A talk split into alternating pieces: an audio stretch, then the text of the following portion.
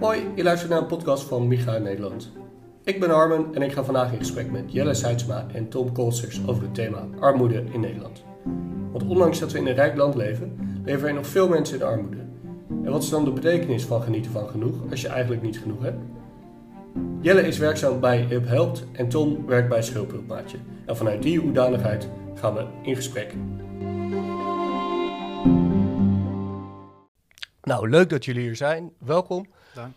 Uh, zouden jullie je uh, kort even kunnen voorstellen uh, en dan direct ook om met de deur in huis te vallen antwoord kunnen geven op de vraag: wat is voor jou genieten van genoeg? Ja, nou, mijn naam is Jelle Seidsma. Ik ben werkzaam voor Hip Helpt. Ehm, vader van drie kinderen en genieten van genoeg betekent voor mij, ja, ehm, ik denk tevreden zijn met wat we allemaal hebben. Uh, in, in, in mijn geval. Hè, uh, we weten ook van uh, andere mensen die dat niet hebben. Maar als ik naar mezelf kijk, is genieten van genoeg ook gewoon tevreden zijn. En als je bijvoorbeeld, ehm, ook als je dat in tijd omzet. Als ik kijk naar mijn eigen tijd, vind ik het belangrijk om ook tijd te kunnen besteden aan, ehm, aan anderen. Dus je tijd eh, en je geld en andere dingen die je hebt ook uh, kunnen inzetten voor anderen. Dat betekent voor mij ook genieten van genoeg. Daar geniet je dan uh, wel van? Daar geniet je ook van, ja. Ja. Precies. Ah, dank. Uh. Mooi. Ehm, ik ben Tom Kolstus en ik werk voor uh, Schuldopmaatje. daar bijzonder als projectleider voor Samenhart voor Mensen om het taboe op geldzorgen te doorbreken samen met de kerken. Dat is uh, een van de rollen die ik daar heb. Uh, voor mij betekent genieten van genoeg. Ja, als ik voor mezelf kijk, is het meer de uitdaging. Hoe kun je eigenlijk uh, genieten van ietsje minder? Want ik heb het goed. Ik, ik, ik mag zeker niet klagen. en als ik kijk naar mijn werkveld, dan is het juist, dan vind ik het een beetje een makkelijke zin van genieten van genoeg. Als je structureel maandelijks geld tekort komt om gewoon de basisbehoeften van te kunnen hebben, zeg maar, ja, dan is zo'n genieten van, van genoeg, dan wordt het een hard gelach, zeg maar. Ja, ja, daar kan ik me helemaal wel iets bij voorstellen. Ik denk ook dat het daarom belangrijk is dat we het ook over armoede in Nederland hebben. En dat we, nou, daarom ook wel mooi is dat we nu zo uh, met elkaar aan tafel zitten. Uh, want ja, er is gewoon veel armoede in Nederland. Dat, daar kunnen we heel uh, lang en kort over zijn, maar dat is een realiteit van heel veel mensen. Ehm, we hebben nu in Nederland uh, 1 miljoen uh, arme mensen die in armoede leven. 250.000 kinderen die ook in armoede leven. En dat, dat heeft een verschrikkelijke impact op hun, hun leven. en ik denk dat jullie daar waarschijnlijk veel meer over kunnen vertellen. Um, Tom, kan, kan, jij wat, wat vertellen over hoe armoede eruit ziet in, ja. in de levens? Ja. Je noemde net al echt gigantische aantallen als je het hebt over 1 miljoen mensen die in armoede leven. Um, dat je haast niet meer nadenkt over de verhalen die erachter liggen. Dat het gewoon mensen zijn, uh, jij, ik, je buurman, iedereen die kan het uh, overkomen. En de uitdaging is voor mij bij, het, bij het thema van hoe ziet het eruit, is juist het enge dat je het niet ziet. Hmm. Het gaat allemaal achter gesloten deuren, ja. vindt, het, vindt het daar plaats. Um, en het, taboe is juist zo groot dat je er, nou ja, iemand uh, die in de schulden zit, die meldt zich pas na vijf jaar. Dus pas na vijf jaar komen de verhalen eigenlijk naar buiten, ik red het gewoon niet meer. Ja. Uh, en dat begint heel erg simpel, iemand die verliest zijn baan. Uh, vervolgens komt zo onder stress te staan. Uh, en zijn relaties komt onder, onder, onder, onder druk. en daardoor heb je op meerdere fronten in je leven heb je het, heb je het, heb je het moeilijk. En dus ook financieel moeilijk. Yeah. Nou, dat zijn de, eigenlijk de hopeloze verhalen die wij tegenkomen als iemand om drie uur s'nachts in paniek naar ons mailt en zich aanmeldt. Ik red het nu niet meer. Ik wil nu hulp hebben. Ja, maar dus als ik jou zo hoor, dan is het niet... Uh, ja, jullie zijn sowieso te laat. Op het moment dat je schuldhulpmaatje nodig is, dan ben je eigenlijk nou, al in een traject wat, wat vrij ver is. Maar dat dat eigenlijk bij iedereen kan gebeuren, zomaar opeens. Uh, ja, natuurlijk willen we eerder uh, aan de voor te staan van, van mensen. Bij schuldhulpmaatje zeggen we echt, we willen gewoon eerder en sneller uh, mensen helpen uit de geldzorgen. Daarom zie je ook dat die vroegsignaleringsfunctie, het preventief praten over geld. Dus als je bijvoorbeeld in het eerste jaar heb je een schuld van 1500 euro, ja, dan is dat nog echt heel goed op te lossen. Ja. Maar als je pas na vijf jaar komt met ik heb een schuld, dan is die vertienvoudigd. Dus we hebben er alles aan gelegen om hier eerder over te gaan praten. Ja. Ja, en, en dan kijk ik even naar eh, eh, Jelle. Hoe doen Ja. we dat? Hoe eh, gaan wij eh, met mensen in gesprek? Nou ja, kijk, ik denk dat het vooral goed is voor mensen om te weten dat sch- schulden en armoede, dat eh, in, in veel gevallen ontstaat dat door een bepaalde levensgebeurtenis. Dus je gaat eh, scheiden, ehm, je wordt ziek, je, je raakt je baan kwijt. Er kan van alles gebeuren ehm, eigenlijk, waardoor, men, waardoor je op een kruispunt komt in je leven en het financieel in één keer eh, anders gaat lopen. Ja, ehm, ik denk dat het goed is voor mensen om, daar, om daarvan bewust te zijn. Omdat je op dat soort momenten hebben ze eigenlijk mensen nodig die zeggen van... Goh, eh, ik, ik zie nu dat jij eh, eh, bent gaan scheiden. Ehm, hoe is dat financieel voor je? Re- red je het? Hm. Kijk, op dat soort momenten eigenlijk heb je mensen nodig die daar eens naar vragen. En, want mensen zullen niet heel snel zelf naar buiten treden daarmee. En wat, wat Tom zegt, er is, er is schaamte. Eh, mensen wachten vaak ook bijvoorbeeld heel lang voor, eh, om naar de, naar de voedselbank al te gaan. Eh, en als ze er naartoe gaan, dan zullen ze dat niet aan de grote klok hangen, zeg maar. Dus dat taboe doorbreken is belangrijk. Ehm, kijk, en als het dan over... ehm, ja, ook, ook, ook wat ik zie bij Hip Helpt is dat mensen bijvoorbeeld vanuit, ook weer vanuit armoede en schulden misschien ook, eh, ook langzaam isoleren. Dus eh, ze raken eenzaam, want ze kunnen niet meer eh, mee een keertje naar de film bijvoorbeeld.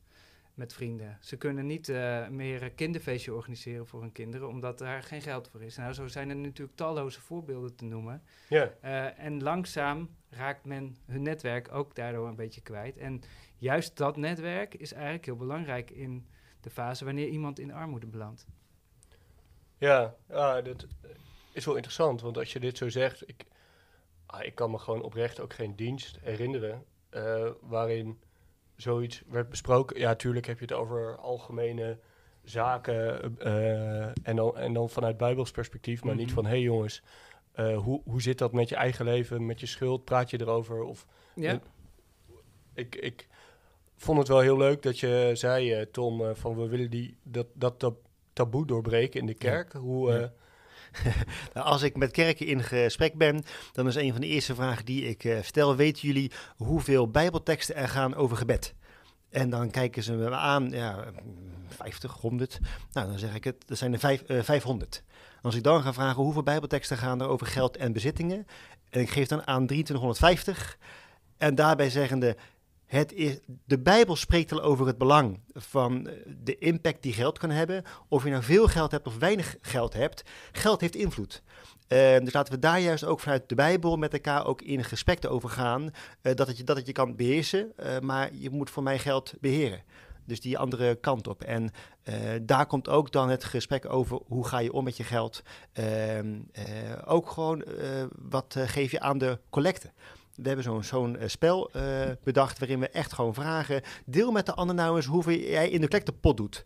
Ook een stukje taboe dat je voor jezelf houdt eh, wat jij weggeeft. Maar uit alle onderzoeken komt, komt natuurlijk naar voren, als je geeft, ja, dan, word je, dan word je juist rijker. Nou, ik denk eh, dat gewoon praten over geld in de, in de meest brede zin, daarvan mogen we echt meer gaan praten binnen in de, binnen in de kerken. En het begint dus inderdaad, wat, je, wat, wat Jelle zei, met zo'n simpele vraag, durf je aan je buurman of buurvrouw die in de kerk zit, waarvan je weet, die heeft het nu lastig, daar vragen we, hoe gaat het met je? Maar durf je nu ook te vragen, red je het nu financieel? hmm. En, en dat, is, dat, is, dat is juist een stukje kwetsbaarheid die we met elkaar mogen durven delen, want dan zorgen we goed voor de ander. Ja, ja ik, zit, ik, ik zit even ook bij mezelf te denken. Dat, dat gesprek ga je echt niet heel snel aan met vrienden. Eh, en zelfs Nee. gewoon met, met goede vrienden. nee, dat klopt. Dat herken ik helemaal hoor. Je gaat niet heel snel delen wat, hoe- hoeveel verdien jij per maand. Nee.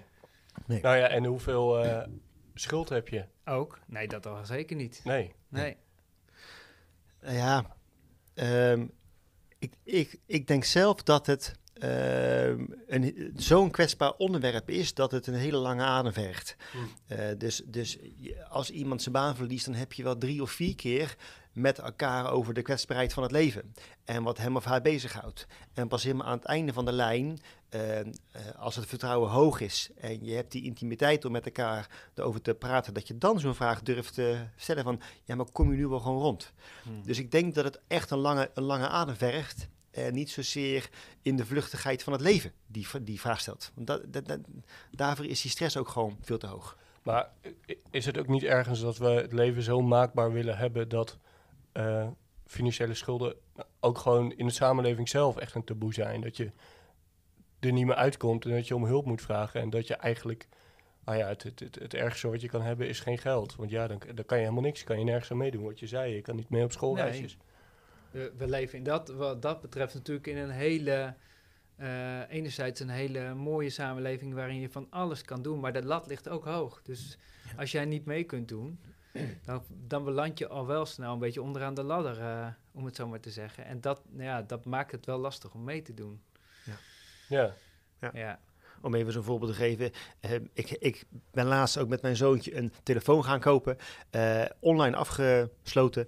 Um, en we wilden gewoon eenmalig dat gelijk kopen. En vervolgens krijgen we ook een aanbieding om het dan per maand te gaan betalen. En dan zou je zeggen, nou dat is dan uh, in die end duurder dan dat je het in één keer aanschaft. Maar ook dat was, was niet het geval. Ik was 30 euro goed, goed koper uit als ik in delen zou betalen. Om mensen maar eerder over de streep te trekken om iets te gaan kopen. Maar je moet wel erg sterk in je schoenen staan om continu die uitdagingen naast je, naast je, naast je neer te leggen. Zeg maar van ik wil meer, meer, meer.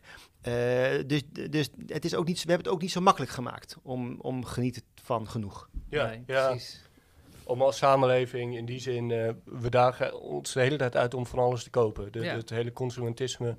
En dan als je weinig geld hebt, dan. Ja, is dat, het, ja, dat, dat, dat, is niet makkelijk. Nee, nee, nee ik, ik zit ook te denken aan mijn studententijd. Ja, toch pak je dan weer even die bonus, die misschien wel duurder is dan je in eerste instantie dacht. Maar dan denk je, ja, heb ik toch dat aanmerk. Ja, ja, ja. precies. Ja, ja. klopt. En, uh, maar dat vind ik ook wel interessant. Je zegt het, uh, die hele sociale isolatie, dat, uh, dat is denk ik dus heel erg groot een thema wa wa wat hier doorheen uh, fietst. Dat het eigenlijk aan elkaar gekoppeld wordt. Ja. En hoe, hoe zouden wij deze luisteraars daar wat mee doen? Hoe kunnen ze in hun omgeving of in hun buurt, hoe... Ja, ja, enerzijds uh, is dat dus openstaan en weten van signalen die kunnen, nou ja, uh, hè, momenten in levens van mensen die, uh, die spelen, dat je daar mensen op kunt bevragen. Ehm, maar ook juist het thema van isolement en eenzaamheid, ja, dat is net, net misschien wel als armoede heel onzichtbaar. En het is niet voor niets een van de meest uh, ja, besproken. Er, zijn, wordt veel besproken eenzaamheid. En eenzaamheid is ook net als uh, de, de schuldencijfers liggen torenhoog. Uh, nou, die hebben inderdaad veel met elkaar te maken. Ja, wat kun je daaraan doen? Ehm, ik denk, ik denk uh, vooral je, je, opgeven als vrijwilliger. Hè? gewoon, gewoon handen uit de mouwen en kijken of je in jouw omgeving wat kunt doen om voor deze mensen wat te betekenen. Maar ook gewoon zicht houden op mensen die in jouw omgeving wonen. Dus ga, ga als jij weet van een buurvrouw die alleen leeft, uh, breng eens een appeltaart langs of doe een kaartje door de deur. Uh, dat soort dingen kunnen voor die mensen al een heel, hele, nou ja, belangrijk moment zijn. En misschien ook een aanhaakpuntje om vervolgens nog eens verder in, uh, in gesprek te gaan. Ja, ja. ja. Ah, ik, zit, ik zit zelf ook te denken hoe, hoe ik dat in mijn eigen ik woon op een, in een appartementenblok met, uh, portiekwoningen met zes, uh, met vijf andere buren, om het zo maar te zeggen. Waarvan de, de benedenbuurvrouwen allebei nou, wat, ouder zijn. En daar proberen we met z'n allen wel een beetje op te letten dat zij nou, af en toe wat sociale contact hebben. Is dat een beetje het idee wat jij zegt van, nou, begin daar in ieder geval en kijk dan ook even naar, uh, uh, naar de mensen daar, daaromheen. Ja, nou, precies. Begin met omkijken naar de ander. Uh, volgens mij, als je bewust wordt van het feit dat mensen in jouw omgeving, en dat kan inderdaad dus twee deuren verderop zijn, eenzaam zouden kunnen zijn, of misschien armoede, of te maken hebben met armoede, dan kun je ook nadenken over hoe kan ik nou in contact komen met die mensen. Hoe, hou ik, hoe, hoe houden we met elkaar zicht op dat mensen niet nog verder wegzakken. Ja, ja ik toch, bedoel het. ja. En, en, toch Jelle is ook uh, inter, interessant als je kijkt tijdens eh, coronatijd hebben er heel veel vrijwilligers aan, zich aangemeld bij allerlei eh, initiatieven. Er waren zelfs meer hulpbieders dan hulpvragers. Ja. Ehm, en maar nu zien we wel dat ehm, mensen hebben weer hun eigen leven, hun eigen drukte, hun agenda vult. Dus ehm, we hebben niet meer dramme mensen die klaarstaan zeg maar, om de andere mensen te helpen. Dus die, die, die piek die is er voorbij. Maar ik denk dat het wel goed is om na te denken. Het, het, het kost echt tijd. Het kost echt iets van jouw leven om je voor de ander te geven. Eventjes heel, heel zwaar eh, gemaakt. Maar een appeltaart maken voor iemand is zo eh, simpel. Maar als je jouw hele leven vol stampt met allemaal Ja, activiteiten voor precies. jezelf, dan heb je überhaupt geen tijd om eh, even een paar minuutjes voor die ander eh, te geven. Dus ik denk ook dat het een soort continue mindshift is voor, eh, voor jezelf. Voor hoe regel je je leven in? En eh, nou, ik kijk even naar ehm, eh, mezelf. Dat is ook een goede spiegel voor mezelf. Ik zit ook stampers met al die dingen. Maar heb ik nog ruimte om onderweg, als ik iemand tegenkom, op weg te helpen? Ehm, en die genoeg voedsel op weg te geven, zoals het, zoals het eh, verhaal. eh, die, die man die in elkaar wordt, ge, eh, wordt geslagen, hij doet eventjes tijdelijk, helpt hij hem. Hij zorgt dat hij bij een hotel is en tot rust komt. Hij geeft hem geld mee en daarna gaat hij weer door. Maar wat als je geen tijd hebt om de ander eventjes te helpen? Ja, dan mis je dus ook de Of urgentie. maakt. Ja, ook dat. Maar dan mis je dus ook de urgentie eh, wat er in de samenleving eventueel zou kunnen gebeuren. Ja. Dus continu je ogen en open oren houden blijft essentieel. Ja. Precies. Nou ja, en dat is misschien ook wel wat ik bedoelde met in het begin van ehm, genieten van genoeg heeft met mij, voor mij ook veel te maken met tijd. Hè? Hoeveel tijd moet jij besteden aan je werk?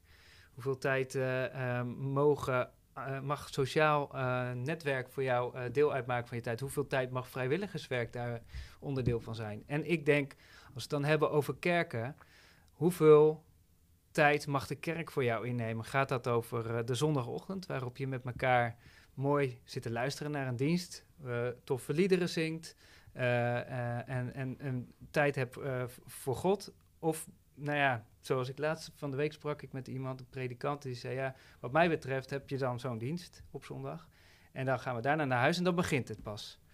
En zo, zo kijk ik eigenlijk ook aan, tegenaan, van hè, als je het over, juist over, als je het over geloven hebt, ehm, geef, geef, geef, het, geef je daar ook tijd eh, aan door de week, zeg maar. Ja. Ja. ja, en dan is dus eigenlijk ook wel de uitdaging. ehm, want ik denk dat heel, ja, in principe de kerk die intentie wel heeft. eh, maar dat toch heel vaak niet gebeurt. Ik bedoel, Nee. jullie zijn er.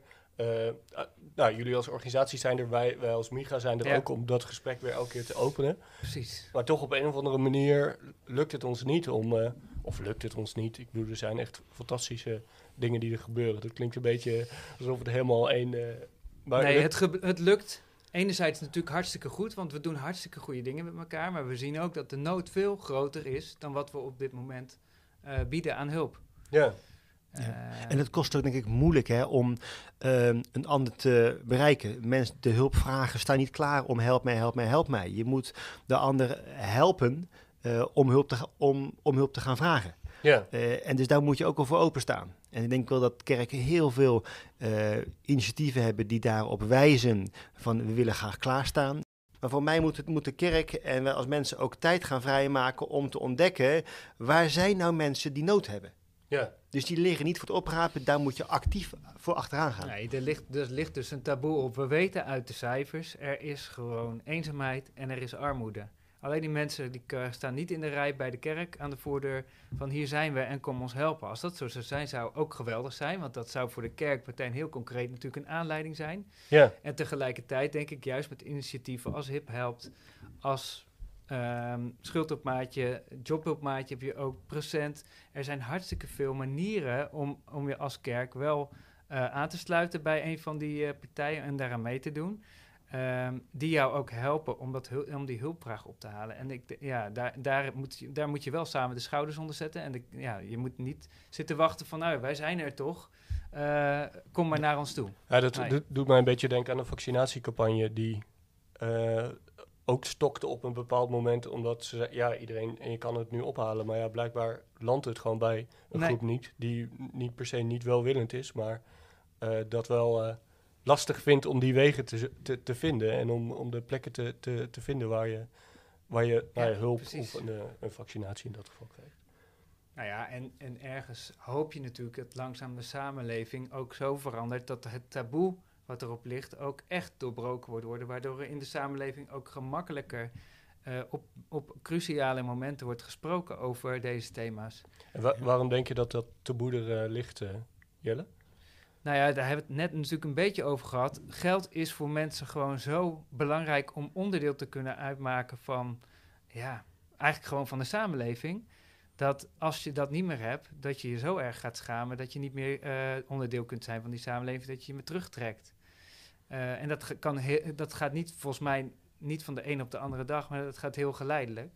En ik denk dat het, eh, ja, het zou gewoon heel goed zijn als we meer eh, bewust zijn van het feit dat op bepaalde momenten in iemands leven het heel logisch is dat iemand het even financieel niet meer kan redden, bijvoorbeeld. Of in eenzaamheid geraakt. En het is mooi als je dan op dat soort momenten als, nou ja, als buurtgenoten of als familie of als vrienden kunt instappen op zo'n moment. Ja, Dus het vereist ook gewoon een stukje kennis, denk ik, bij mensen om, om daarvan bewust te Ja. zijn.